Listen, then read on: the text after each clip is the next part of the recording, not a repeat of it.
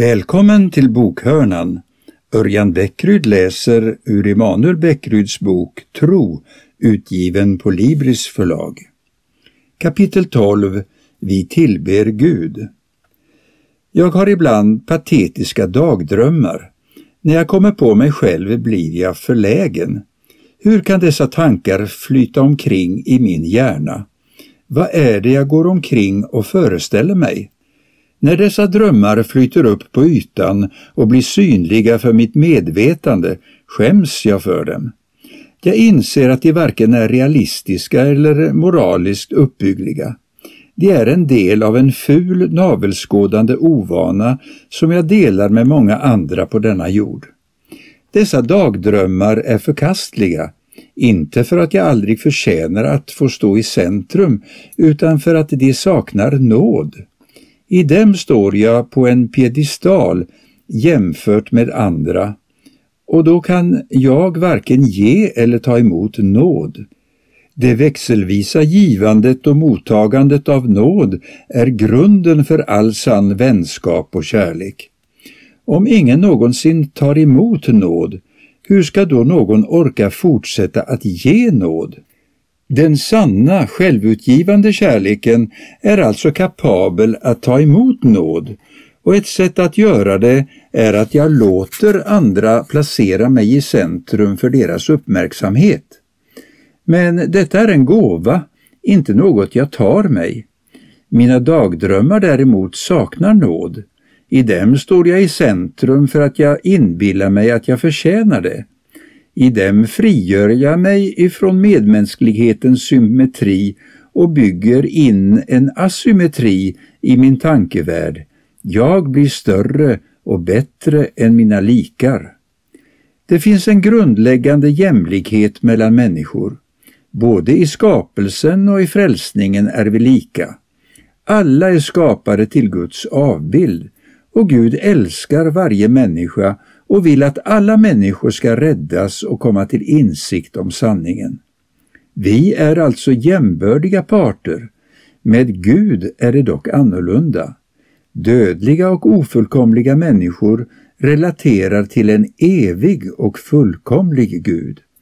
Därmed finns det stora skillnader mellan det sätt vi relaterar till Gud och hur vi relaterar till varandra. Vi är inte Guds jämlikar, vi tillber honom. I Jesaja-boken säger Gud, jag delar inte min ära med någon. På sätt och vis kan man säga att Gud är självcentrerad. Skälet till att detta är tillåtet för Gud är att Gud är viktigast av allt. Gud står på en kosmisk piedestal och så ska det vara. Inte för att Gud är ofullkomlig utan för att han är fullkomlig. Gud är självutgivande kärlek, men ju mer han ger av sig själv, desto mer framstår hans härlighet och ära. Ju mer han stiger ner från pedestalen, desto mer står han på den. Denna avgörande skillnad mellan människa och Gud blir tydlig när kyrkan tackar och lovprisar Gud genom bön och lovsång. Denna gudsdyrkan är inget nytt till exempel rapporterar Plinius den yngre till kejsar Trajanus i början av hundratalet att kristna möts en viss dag före gryningen och sjunger hymner till Kristus som till en gud. Och denna tillbedjan pågår än idag. Oavbrutet, överallt på denna jord tillbeds Gud, Fader, Son och Ande. När vi gör detta ägnar vi oss åt en form av verklighetsterapi. Vi säger som det är. I en värld där namnet Gud blivit synonymt med mina personliga preferenser, min längtan efter harmoni eller mitt behov av bekräftelse, sjunger och proklamerar den kristna församlingen högt den treenige guden är verklig och viktigast av allt. Men hurdan är den Gud som kristna tillber? Vi ska kort ta upp tre centrala aspekter. Guds storhet, Guds kärlek och Guds helighet. Vi börjar med Guds storhet. Gud är alltid större än vi kan föreställa oss. Med storhet menas egenskaper som evighet, allmakt, personlighet, närvaro överallt och så vidare. Gud är ofattbart stor. När de bibliska författarna ska beskriva detta väljer de ofta att kontrastera Gud mot avgudarna. Ofta finns ett påtagligt inslag av ironi, som i Jesaja-bokens skoningslösa förlöjligande av avgudarna. Man fäller cederträd, man tar en stenek eller en ek som får växa sig stor bland skogens träd eller planterar ett lagerträd som regnet ger växtkraft. Virket ska folk ha till bränsle. Man har det att värma sig med och göra upp eld för att baka. Man tillverkar också en gud som man tillber, gör en gudabild och faller på knä för den.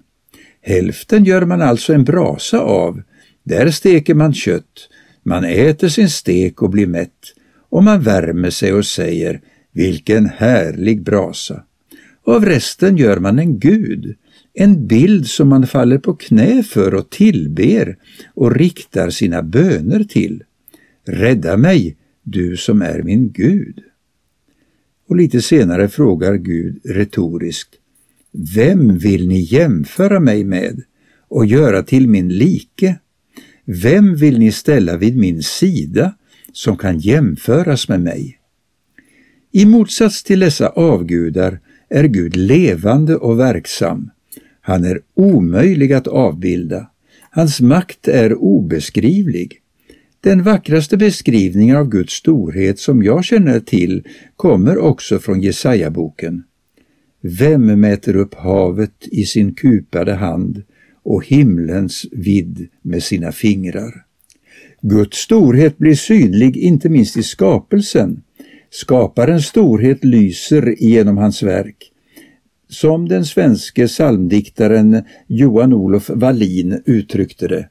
Jag ser hans spår varhelst en kraft sig röjer, en blomma doftar och ett ax sig böjer.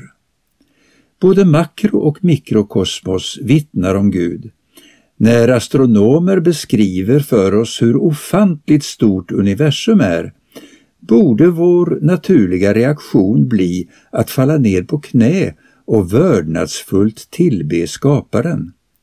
Likaså när vi betänker vilket mysterium materien är. För om det är något den moderna fysiken lär oss är det att tillvarons minsta kärna är ytterst svårbegriplig. Vänder vi sedan vår blick till det som vi kan se med våra ögon här på jorden blir inte fascinationen mindre. Och så är det på område efter område. I skapelsen ser vi ett återsken, en reflex av Guds egen storhet. Vi tillber en kärleksfull Gud. Gud är kärlek, säger aposteln Johannes. Den tredje guden är till sitt väsen en kärleksfull relation och denna kärlek är inte bara något som pågår inom gudomen utan den gudomliga kärleken har blivit synlig mitt ibland oss människor i och genom Guds handlande i historien, ytterst i och genom Jesus. Gud har visat oss vad sann kärlek är. I kapitel 10 beskrev jag vikten av det dubbla kärleksbudet, att vi är kallade att älska Gud och vår nästa. Detta kärleksbud är dock endast möjligt på grund av Guds kärlek till oss. Vi älskar därför att han först älskade oss. Guds kärlek till oss är en förutsättning för vår kärlek till honom och till varandra.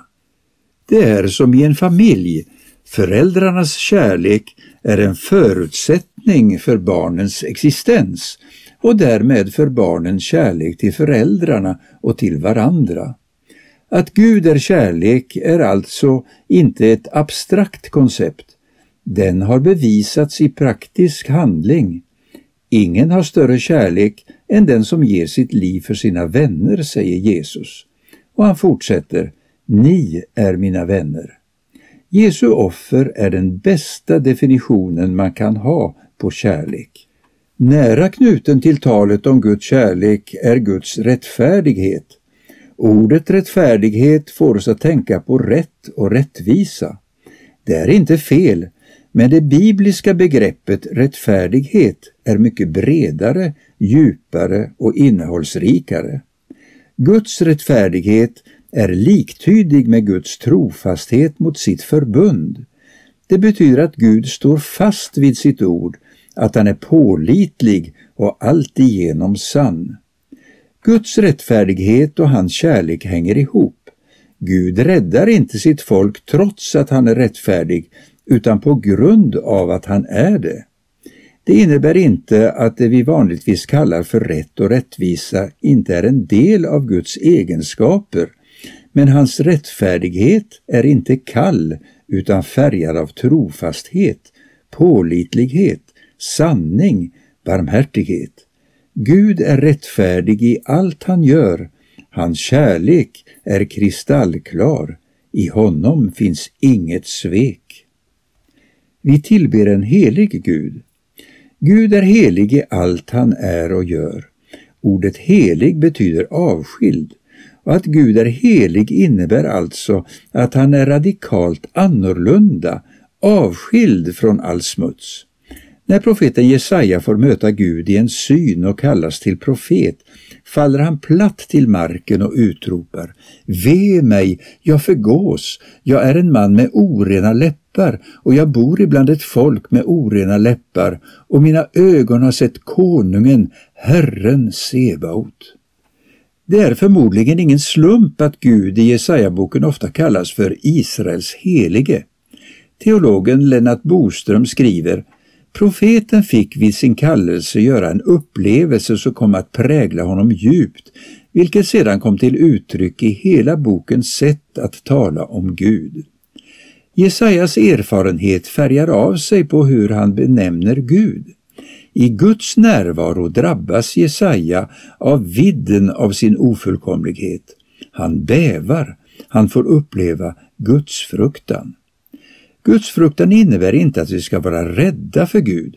Visserligen är det fruktansvärt att falla i den levande Gudens händer, men den som är kristen behöver inte frukta dessa händer på ett negativt sätt. Vi behöver inte vara rädda. Den troende har anden inneboende i hjärtat. Den helige Ande knyter oss till sig själv på ett speciellt sätt. Var och en som tror på Kristus är öronmärkt av Anden. Paulus uttrycker det som att vi har fått Anden som ett sigill, en borgen för vårt arv. Vi har fått handpenningen på det som ska komma i framtiden när Gud gör allting nytt. Det kristna livet karaktäriseras av ett redan nu, inte än. Redan nu har vi fått Anden, men vi har inte ännu fått den grad av gemenskap med Gud som vi en dag kommer att få när Kristus åter blir synlig. Anden tar del av denna framtid och låter oss få uppleva en försmak av den i nuet. I och med detta kan den kristne vara förvissad om att han eller hon verkligen är ett Guds barn. Andens vittnesbörd i den troendes hjärta gör honom övertygad om att han inte behöver vara rädd för Gud. Men även om vi som kristna inte behöver vara rädda för Gud har vi all anledning att praktisera gudsfruktan. Den gudsfruktan som enligt Ordspråksboken är vishetens begynnelse. Gudsfruktan bottnar i vår medvetenhet om Guds helighet det handlar om respekt för den Gud som är totalt annorlunda, vars ögon är för rena för att se på det onda och som är en förtärande eld. Gud är som den elektricitet vi har tillgång till i våra hem. Vi går inte omkring och är rädda för eluttagen, men vi har ändå respekt för dem. Vi handskas inte hur som helst med 230 volt. Till exempel skruvar vi inte utan vidare loss vägguttagen eller leker med sladdarna. Vi vet att elen är en dödlig kraft om den inte handhas med respekt. Vi fruktar den, men vi är inte rädda för den. Gud är som 230 volt i väggen. Som Guds barn fruktar vi honom, men vi är inte rädda.